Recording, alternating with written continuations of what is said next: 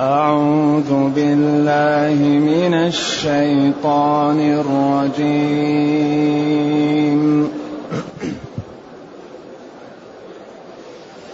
والبدن جعلناها لكم من شعائر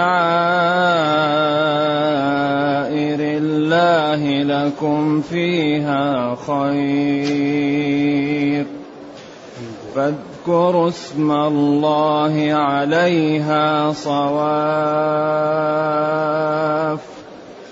فإذا وجبت جنوبها فكلوا منها وأطعموا القانع والمعتر كذلك سخرناها لكم كذلك سخرناها لكم لعلكم تشكرون.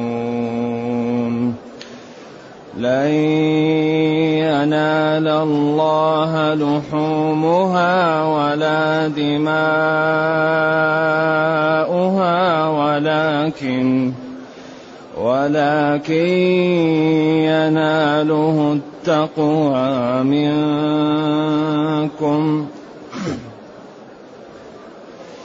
ولكن يناله التقوى منكم كذلك سخرها لكم لتكبروا الله على ما هداكم كذلك سخرها لكم لتكبروا الله على ما هداكم وبشر المحسنين. إن الله يدافع عن الذين آمنوا ان الله يدافع عن الذين امنوا ان الله لا يحب كل خوان كفور أذن للذين يقاتلون بأنهم ظلموا. أذن للذين يقاتلون بأنهم ظلموا. وإن الله على نصرهم. وإن الله على نصرهم لقدير. الحمد لله الذي أنزل إلينا أشمل كتاب وأرسل إلينا أفضل الرسل وجعلنا خير أمة أخرجت للناس. فله الحمد وله الشكر على هذه النعم العظيمة والآلاء الجسيمة. والصلاة والسلام على خير خلق الله وعلى آله وأصحابه ومن اهتدى بهداه. أما بعد فإن الله جل وعلا يقول لن ينال الله لحومها ولا دماؤها. والبدن أمس يعني بين المقصود بالبدن أي وجعلنا البدن جعلناها لكم من من شعائر الله أي من معالم دينه. فتكون سمينة وجميلة وغالية الثمن. لأنه قال ذلك ومن يعظم شعائر الله. ثم قال والبدن جعلناها لكم من شعائر الله. فتع... يعني تعظيمها هو أن يكون ثمنها غاليا وتكون سمينة وكبيرة وجميلة. لكم فيها منافع لكم فيها خير من شرب لبنها وركوب ظهرها وحط السيئات بذبحها. بعدين قال فاذكروا اسم الله يعني اذبحوها قائلين بسم الله والله أكبر. منك وإليك. عليها صواف وقوف أو مقيدة أو معقولة اليد اليسرى أو اليمنى أقوال العلماء. فإذا وجبت سقطت على جنبها فكلوا منها أمر للإباحة والإرشاد. وأطعموا كل كل الشرائح. السائل المتعفف الذي هو ليس بسائل ولا الواسطة بينهما. أطعموا الجميع. كذلك سخرناها لكم على كبر جسمها وقوتها وعلى ضعفكم. لعلكم بذلك تدركون نعم الله عليكم فتشكرونه. ثم بين أن هذا اللحم وهذا الدم لا فائدة فيه في ذاته. وإنما الذي يصل إلى الله ويتقبله وتنالون نفعه التقوى. لن ينال الله لحومها ولا دماؤها. لن حرف نفي. الله المعبود بحق. اللحوم معروفة. والدماء التي تسيل. هذه لا فائدة فيها. وإنما الفائدة الحقيقية بالتقى. ولكن يصله ويتقبل منكم ويرفعكم به ويرحمكم به ويبعدكم عن موارد العطب بالتقوى ولكن يناله تقوى منكم. كان التقوى. ولذلك الأعمال لا تتمايز إلا بالنية بالتقوى. السجود هو أن تجعل سبع أعضاء تسجد عليها. الوجه واليدين والركبتين وأطراف القدمين أقرب ما يكون العبد من ربه وهو ساجد. فإذا سجد لغير الله خرج من الإسلام. إذا سجد العبد لغير الله على طول يخرج من الإسلام. لأن السجود لا يكون إلا لله. السجود من خصائص الربوبية. هذه العبادة والعبادة لا, لا الله لا يشرك في عبادة أحد. من يشرك بالله فقد حرم الله عليه الجنة. إذا لن يصل إلى الله اللحوم لأنهم كانوا إذا ذبحوا أخذوا اللحم وأخذوا الدم ولطخوا به الكعبة. قال لا الدم واللحم هذا كلوا أنتم ولكن الذي يصلكم منه تقواكم وإخلاصكم لله.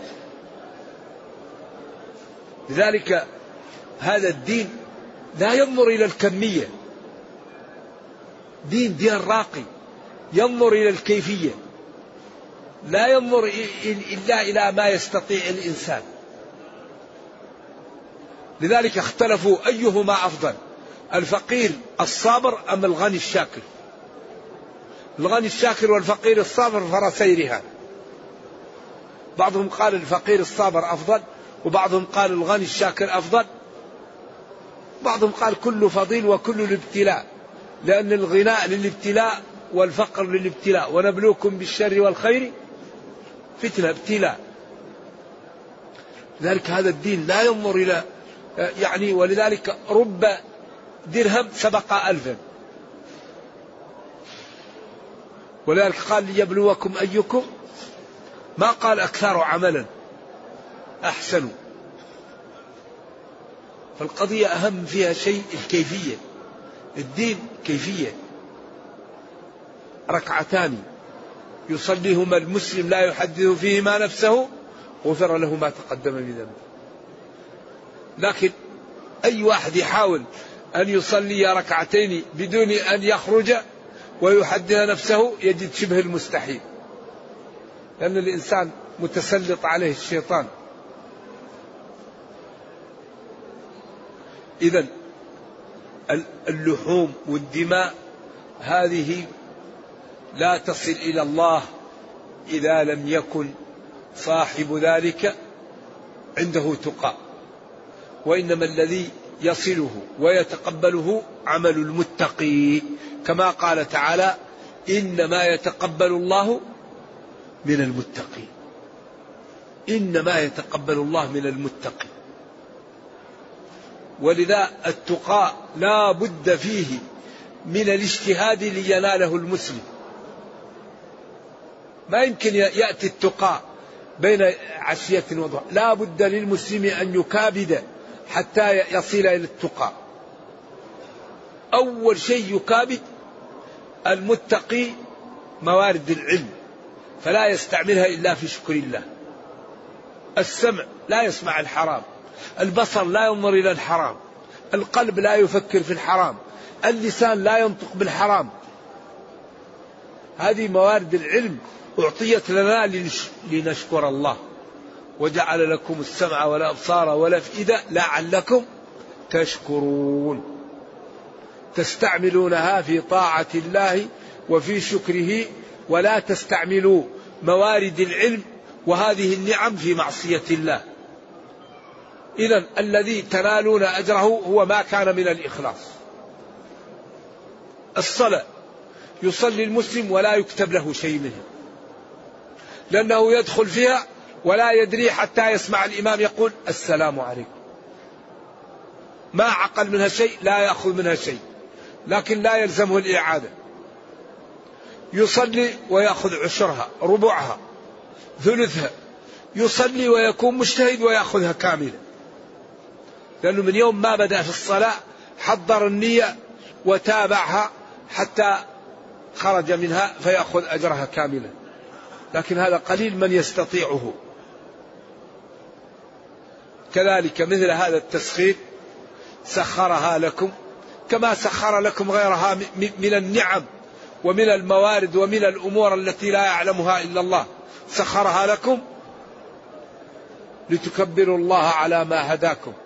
لتعظموا الله وتكبروه على ذبحها وتهللوه وتسبحوه على هدايته لكم أو على الذي هداكم به ولعلكم بذلك تشكرون ربكم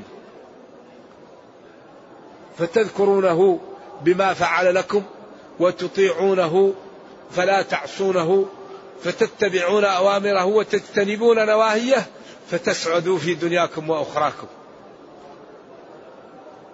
أيوه. أيوه. لتكبروا الله وتعظموه على هدايته لكم ولعلكم أيضا تشكرون ربكم وتطيعونه وتنفذون ما أمركم به شاكرين له. ثم قال: ولعلكم تشكرون. لتكبروا الله على ما هداكم. وبشر المحسنين. لتعظموا الله على هدايته لكم ثم قال وبشر المحسنين الذين يحسنون في أعمالهم ويتقنونها ويخلصون فيها. هذا لهم المنازل العالية ولهم الكرامة يوم القيامة.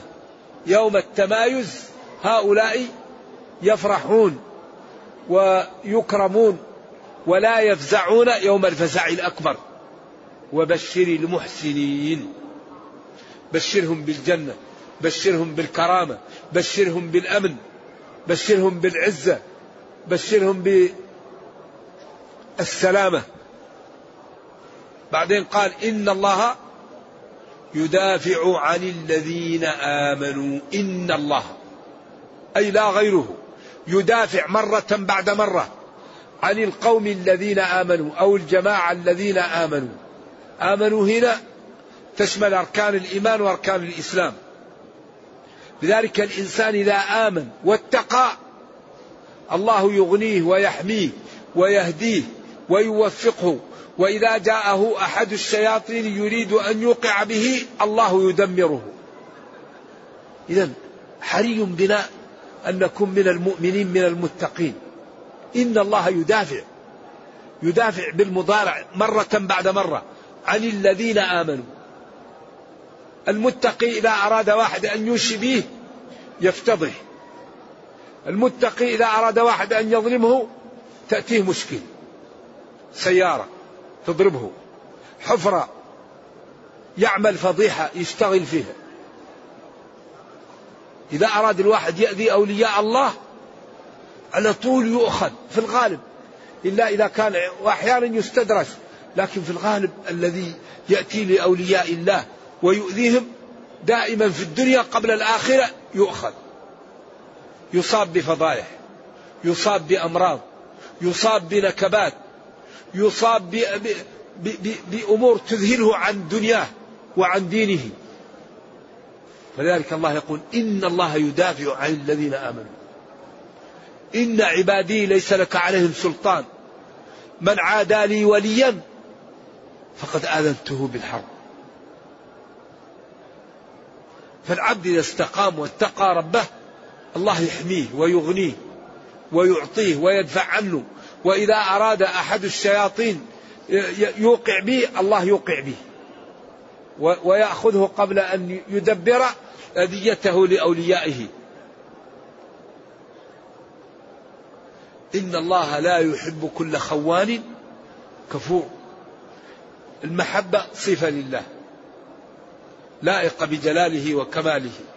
نثبتها وننزه الله عن مشابهة خلقه ونقطع أفكارنا وأطماعنا عن إدراك كيفية اتصافه بصفاته. وهذه أمور موضحة وبينها الله في القرآن وبينها نبينا صلى الله عليه وسلم في سنته. إن الله لا يحب كل خوان كفور. خوان كثير الخيانة. كفور كثير الكفر والجحود.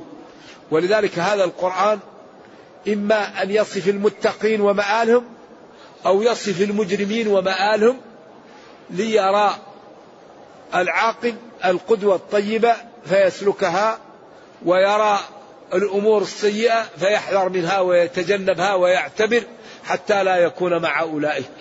وهذا يكثر في القرآن. ثم قال جل وعلا أذين للذين يقاتلون بأنهم ظلموا. أذين هذا القتال والجهاد أمره عظيم. والمسلمون في مكة قيل لهم الصبر والسكوت. يضربون ويؤذون ويدمغون ويفقشون ويقول اصبروا لم نؤمر بالقتال. اصبروا. رحمة الله على أخي موسى لقد أوذي بأكثر من هذا وأهينوا وعذبوا ويقال لهم اصبروا اصبروا. فلما جاءوا للمدينة وأصبح عندهم إيش؟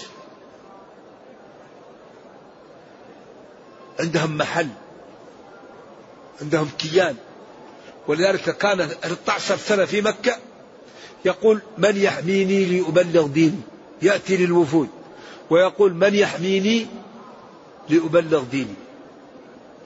ويأتي عمه أبو لهب ويقول ابن, ابن أخي مجنون ما هو صادق كذاب ويمشي وراءه حتى لا يقبل منه الوفود. فكان من حسن حظ الأوس والخزرج أن يهودا كانت تهددهم بنبي آخر الزمان.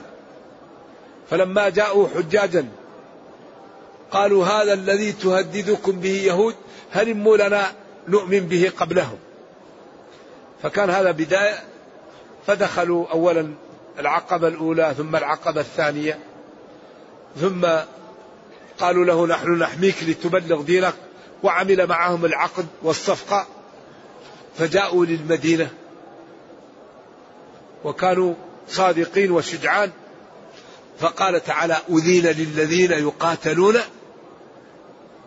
بأنهم ظلموا أذين للذين يقاتلون وأذين للذين يقاتلون.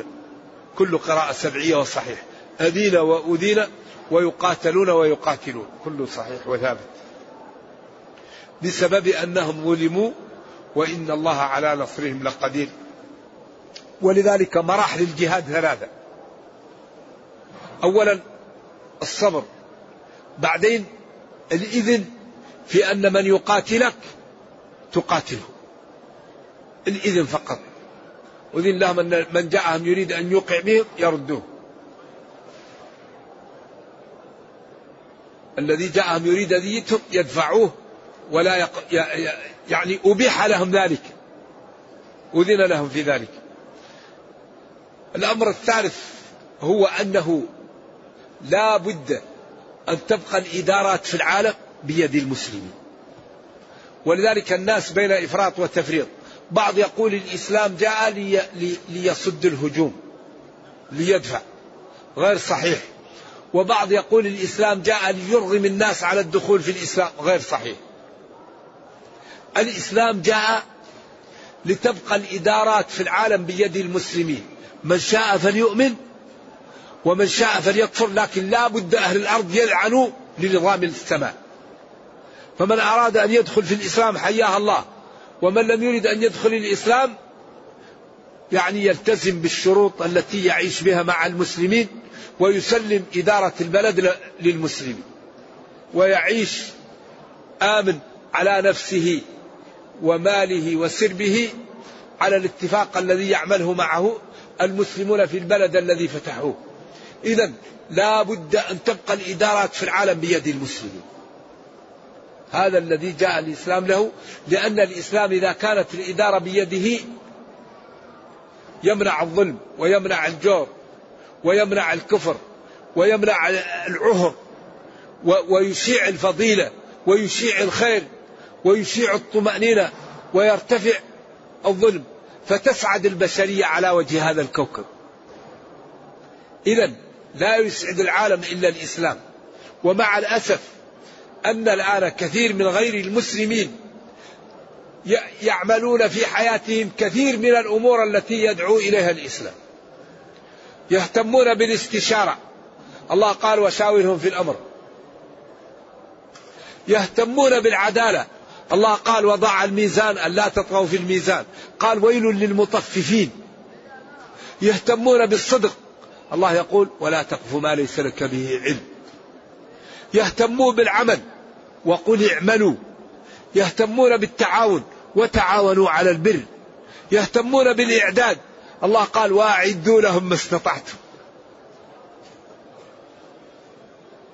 ولذلك هم الآن الذي قواهم أن كثيرا من الأمور التي يدعو لها الدين رأوا أن تطبيقها في حياتهم مقو لهم فطبقوها في حياتهم فقووا.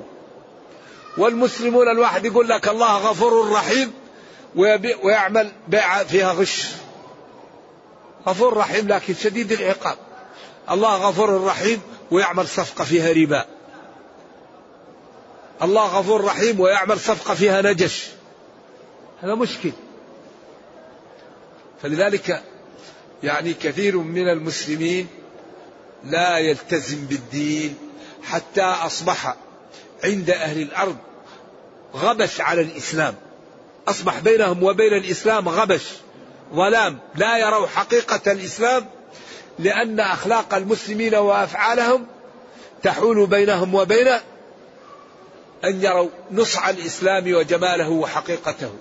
ولذلك أمانة في الفضلاء أن ينفض الغبار وهذا الظلام عن الإسلام فيلتزمون به حتى يروه الناس ناصعا.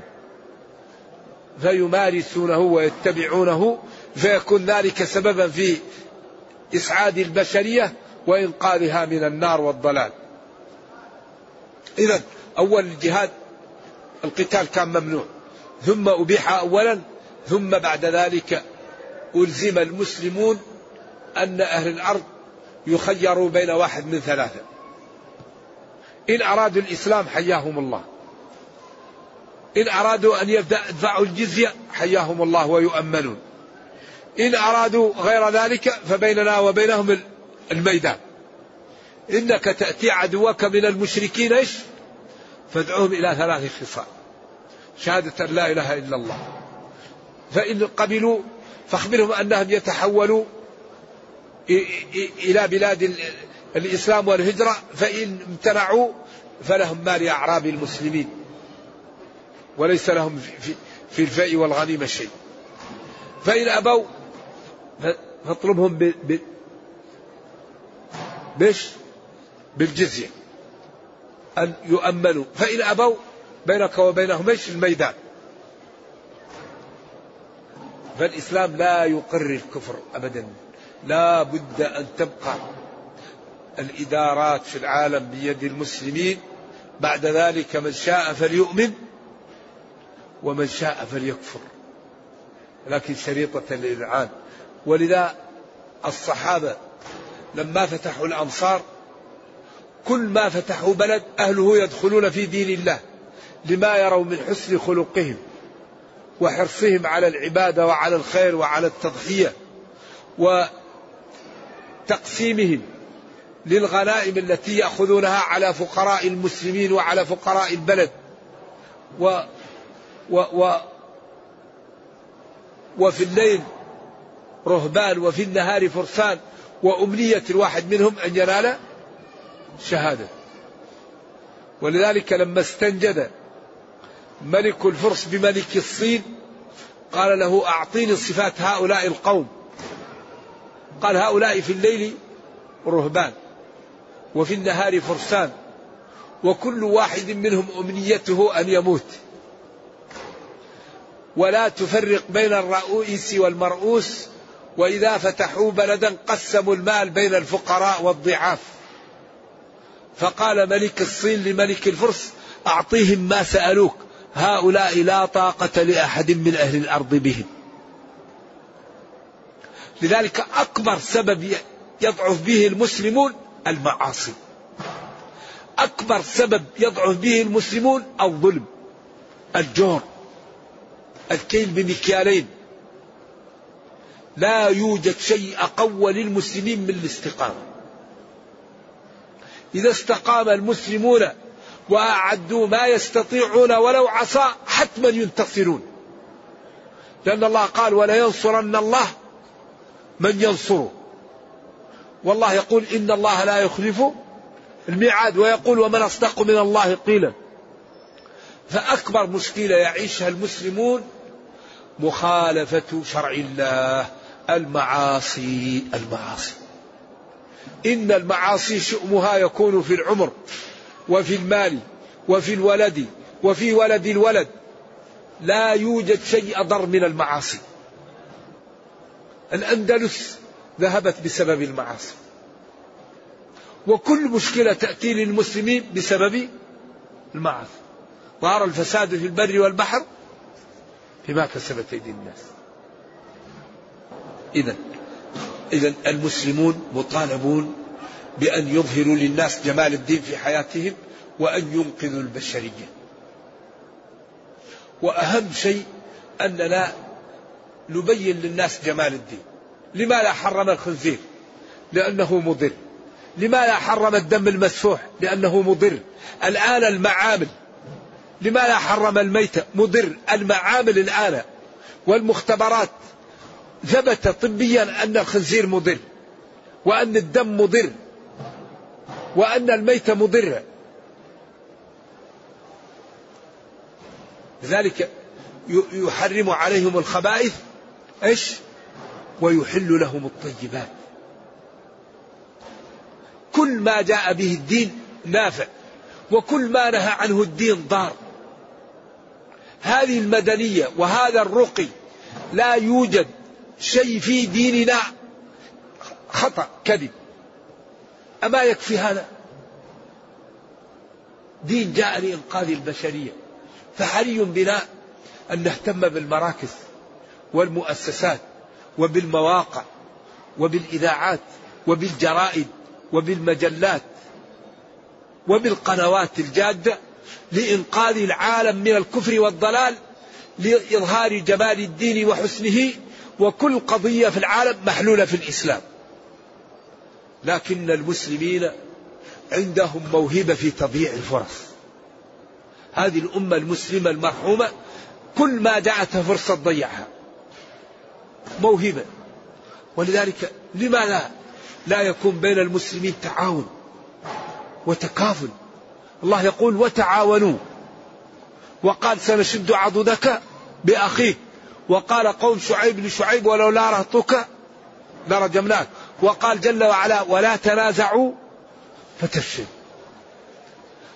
هذه أوروبا الآن. انظروا إلى أوروبا كيف. كيف يأخذون بإخوانهم ويساعدونهم ويبذلون لهم. كيف يساعدوا بعض. كيف عملوا أقوى قوة في العالم. اليورو والمسلمون كتابهم واحد ونبيهم واحد وقبلتهم واحدة. والله يقول وتعاونوا ويقول نبينا لا يؤمن أحدكم حتى يحب لأخيه ما يحب لنفسه وبينهم شيء عجيب. ليش؟ لأنهم لا يهتمون بالفرص أما هؤلاء الروم يعلمون ظاهرا من الحياة الدنيا.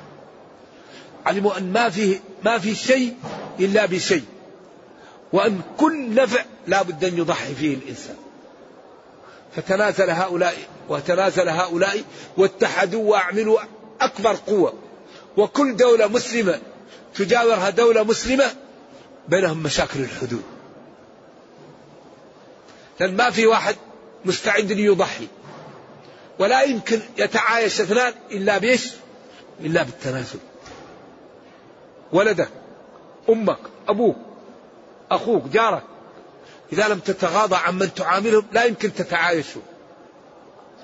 ولذلك مدح نبينا صلى الله عليه وسلم الحسن بن علي قال إن ابني هذا سيد وسيصلح الله به بين فئتين عظيمتين من المسلمين. يعني كانت مشكلة قال خلاص أنت تعدل أعدل خلاص انتهت القضية. اثنين الآن عندهم ميراث لازم يذهبوا للقاضي إلا إذا تغاضى واحد وتنازل. إذا لا بد أن نهتم بالمراكز الجادة. أهم شيء مراكز. أي واحد يتكلم على الدين نقول فلان قلت كذا وكذا هذا القول باطل بدليل كذا وكذا. فلان قلت هذا القول كذب وليس بصحيح. الإسلام لا يظلم. الإسلام لا يكذب. الإسلام لا لا لا, لا, يعادي الناس. الإسلام جعل في كل كبد رطب أجر. الإسلام جعل امرأة تدخل النار بسبب هرة. الإسلام أمر بالإحسان إلى الوالدين. أمر بإخلاص العبادة لله. أمر ب يعني إكرام كل الشرائح التي تخالطها. ذي القربى واليتامى والمساكين والجار ذي القربى والجار الجنب والصاحب بالجنب وابن السبيل. وما ملكت إيمانكم. كل الشرائح التي تخالطها دينك يقول لا بد من الإحسان إليها. أباح القصاص وقال وأن تعفوا أقرب للتقوى. دين دين عجيب إذا لا بد لنا من فهم هذا الكتاب. ولا بد لنا من مراكز جادة لإنقاذ البشرية. هذه البشرية كثير منها إذا دخل النار يوشك أن يلببنا عند الصراط ويقول يا ربي إن المسلمين عندهم دين جميل وصحيح وعندهم شيء ينقذ البشرية ولم يبينه لنا. ولذلك قال معذرة إلى ربكم. لا بد أن نبين حتى لا, لا نعذب بهؤلاء. إذا دخلوا النار يوبقوننا ويقول هؤلاء لم يبينوا لنا لم يوضحوا لنا الدين. وقفوا بيننا وبين فهم الإسلام. وكل واحد على قدر ما يستطيع. لا يكلف الله نفسا. لا يقول واحد أنا لا. كل ما تستطيع. الذي لا تستطيع لا يكلفك الله به. يمكن تعمل قناة. يمكن تعمل موقع. يمكن تعمل مشروع. يمكن تعمل مؤسسة. الذي تستطيع. كل واحد يقدم لدينه وأمته ما يستطيع. حتى نرتفع. أما كل واحد يجعل اللوم على الآخرين هذا ما, ما ينبغي. كل واحد مسؤول على قدر ما يستطيع. كلكم راع وكلكم مسؤول عن رعيته. وكل واحد على قدر ما أعطاه الله من العلم والفهم والمكانة. ولذلك قال أذين أبيح للذين يقاتلون ويقاتلون بأنهم بسبب أنهم ظلموا وأخرجوا من ديارهم بغير حق. وإن الله على نصرهم لقدير. إن الله جل وعلا على نصر هؤلاء لقادر وهذا فيه تشجيع وفيه تحفيز لهؤلاء أنهم يتحركون لإنقاذ البشرية من الكفر والضلال والظلم ولإسعادها. لا بد لنا من أن نتحرك لديننا ولأمتنا لكن في ضوء ديننا وأمتنا. بعض الناس يتحرك لكن ليس في ضوء الدين. يسمع حي على الصلاة يجري. قال لا تأتوها وأنتم تسعون. لكن ينبغي أن نتحرك للدين في ضوء الدين. فالواحد يروح يظلم الناس ويقول هذا دين. لا ليس دين. الظلم ظلمات. ولا يجرمنكم شنآن قوم على أن لا تعدلوا. اعدلوا المسلم يعدل في من يحب ومن لا يحب. لا يظلم. المسلم يصدق في مع من يحب ومن لا يحب. فلذلك العدالة والاستقامة والنزاهة هذه تعمل أعمال عجيبة ولذلك أكثر ما يثقل ميزان المسلم حسن الخلق. ينال بها الرجل درجة إيش؟ صديقين. حسن الخلق يتكون من ثلاثة أمور بذل المعروف وكف الأذى وطلاقة الوجه. تبذل معروفك للناس. فإن لم تستطع ترد رد جميل. وإما تعرضن عنهم ابتغاء رحمة من ربك ترجوها فقل لهم قولا ميسورا. إلا تكن ورق يوما أجود بها للسائلين فإني لين العود. لا يعدم السائلون الخير من خلقي إما نوالي وإما حسن مردودي الإسلام دين رائع الحقيقة. بعدين طلاقة الوجه. هذه الثلاثة ينال بها الرجل درجة الصديقين. أن تبذل للناس ما تستطيع. وأن تكف أذاك عنهم وأن تلقاهم بوجه طلق أو طليق. تهش في وجوه إخوانك. نرجو الله جل وعلا أن يعز الإسلام والمسلمين. وأن يرفع عن المسلمين ما حل بهم من الضعف والبلاء. وأن يقوي شوكتهم. وأن يحفظ هذا البلد للإسلام والمسلمين وأن يحفظ جميع بلاد الإسلام. كما نرجوه أن يتوب علينا ويتجاوز عن سيئاتنا. سبحان ربك رب العزة عما يصفون وسلام على المرسلين والحمد لله رب العالمين. والسلام عليكم ورحمة الله وبركاته. يقول من أتى مسجد قباء فصلى ركعتين فهل أجر عمرة على كل ركعتين عمرة أم فقط أول ركعتين؟ في بعض الروايات فصلى فيه من النافلة. فصلى فيه. أيوة. إذا جئت قباء صليت ركعتين أو أربعة أو غير ذلك هو كل عمرة واحدة. فصلى فيه من النافلة. لكن إذا جئت مرة أخرى وصليت لك عمرة. نعم. يقول كيف صلاة الجنازة على النبي صلى الله عليه وسلم؟ ومن هو الإمام لجنازته؟ هذا كأنه يلغز لنا. أيوة صلى كل واحد يجي يصلي لحاله. صلوات الله وسلامه عليه. نعم. هذا واحد يسأل عن العمرة وعن الحج ويقول اعتمر. المهم إذا اعتمر المسلم في أشهر الحج ورجع لبلده الذي يظهر أنه لا يكون متمتعا. المتمتع هو الذي يأتي بالعمرة في أشهر الحج ويبقى في مكة ثم يهل من الحج في مكة لم يسافر. هذا الذي هو متمتع بلا خلاف. أما الذي يخرج إلى المواقيت أو لبلده هذا عند جلة من العلماء ليس بمتمتع. أو الذي يقول لبيك حجا وعمرة هذا متمتع. فكل من القارن والمتمتع يلزمه دم. فإذا عمل الحاج عمرة لنفسه أو لأخيه أو لأبيه ثم حج عن نفسه أو لأخيه أو لأبيه فهو متمتع إذا لم يرجع لبلده. أما يقول أعمل عمرة لنفسي وحج لأبي أنت واحد لست اثنين. وإنما أنت تهدي عملك لغيرك فأنت متمتع. يقول هناك دعاء يقال عند رمي الجمار بسم الله ترغيما للشيطان. هذا إذا كان ورد لا أعرفه لكن سمي بسم الله الله أكبر. أيوة يرمي الجمرة. إرغاما للشيطان لا هو لا شك ذلك لكن هل ورد أو ما ورد؟ إذا ورد نقله ونراجع وأنا لا أعرفه ثابتا نرى كثيرا من المدخنين يتفرجون بالتدخين يوم عرفة. بدلا من الدعاء مما يسبب كثيرا من الأذى لإخوانهم غير المدخنين. هل يفسد الحج أم ينقص أجره؟ فما توجيهكم. هذا الذي يدخن مبتلى والذي رآه مبتلى أولا يسأل الله يسأل الله العافية ويقول الحمد لله الذي عافاني. فلا يعني يشمت بأخيه المبتلى لأن هذا الدخان نرجو الله السلام والعافية أكبر بلاء. لأنه منتن ومضر للبدن ومضر للم... يعني يؤذي الملائكة ويؤذي أهل البيت ويؤذي الأصدقاء. ويقال إن الدخان يقتل كل سنة من الكرة الأرضية خمسة ملايين. الآن وصل قتل لأهل الكرة الأرضية خمسة ملايين. كل دقيقة آلاف تموت بالدخان. ويضر من الرأس إلى أخمص القدم.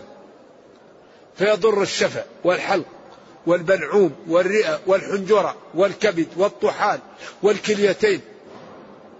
والذي يدخن يكون أولاده أغبياء لأن المادة التي يخلق منها الحيوان يخلقه الدخان. فيأتي الولد غبي جدا المدخن أولاده أغبياء. ثم هو يعني دائما صاحب أعوذ بالله يصاب بالأمراض الخبيثة. فهو نرجو الله السلام والعافية. قال أحد الشيوخ المدخن مجنون غير مكتف. هو مثل المجنون غير المكتف. لأنه يقتل نفسه ويقتل الآخرين. والذي يجلس مع المدخن هذا أضر عليه الدخان من المدخن. يضر أولاده وزوجته. وإخوانه وأصدقائه. فأما قضية لا يقبل حجه هذا من الله نرجو الله السلام والعافية. والله كريم ويقول فمن يعمل مثقال ذرة خيرا يره ومن يعمل مثقال ذرة شرا يره. وربنا كريم لكن ينبغي لمن يدخن أن يسأل الله العافية ويقلع عن الدخان لأنه مضر للمال ومضر للنفس ومضر للصحة ويؤذي الملائكة. الذي يأكل البصل لا يأتي للمس. الذي يأكل الثوم لا يأتي للمس. ما بالك الذي يدخن؟ الذي يدخن إذا صلى جنبك يسحب الأكسجين كأنه يخنقك نرجو الله السلام والعافية. ولذلك لا نعيره ونسأل الله أن لا يبتلينا وإذا رأيناه نستعذ بالله ونسأل الله أن يفرج عنا وعن المسلمين. أيوة هذا مرض فتاك. يقول كيف نفرق بين أمر الوجوب وأمر الندب والإباحة والإرشاد؟ أمر الإرشاد فكاتبوه من علمتم فيهم خيرا. لأن ما في واحد يجب عليه أن, أن يكاتب لكن هذا أمر مباح. الأمر الذي هو للإباحة الأمر بعد الحظر يعود إلى ما كان عليه قبل. قال تعالى فإذا قضيت الصلاة فانتشروا في الأرض. البيع قبل التحريم إذا نودي للصلاة كان مباح فعاد إلى ما كان عليه. وإذا حللتم فاصطادوا. الصيد قبل الإحرام كان مباح. فلما لبس المسلم الإحرام حرم عليه الصيد. وحرم عليكم صيد البر ما دمتم حرما. بعدين قال فإذا حللتم فاصطادوا. عاد الأمر إلى ما كان عليه. إذا يعرف بالسياق وبالدلالات وبالتعلم. الإنسان إذا تعلم يعرف هذا السياق أمر للوجوب. هذا السياق للندب هذا السياق للإرشاد. وهذه أمور معروفة في أماكنها. ما حكم عمل المرأة المدرسة لتعليم الأطفال إذا كانت في مدارس مختلطة؟ علما أن أعمارهم تتراوح ما بين اثنتي عشرة سنة وأربع عشرة سنة. ينبغي للمرأة المسلمة أن لا تخرج من بيتها إلا لضرورة. وقرن في بيوتكم لقد كان لكم في رسول الله أسوة حسنة.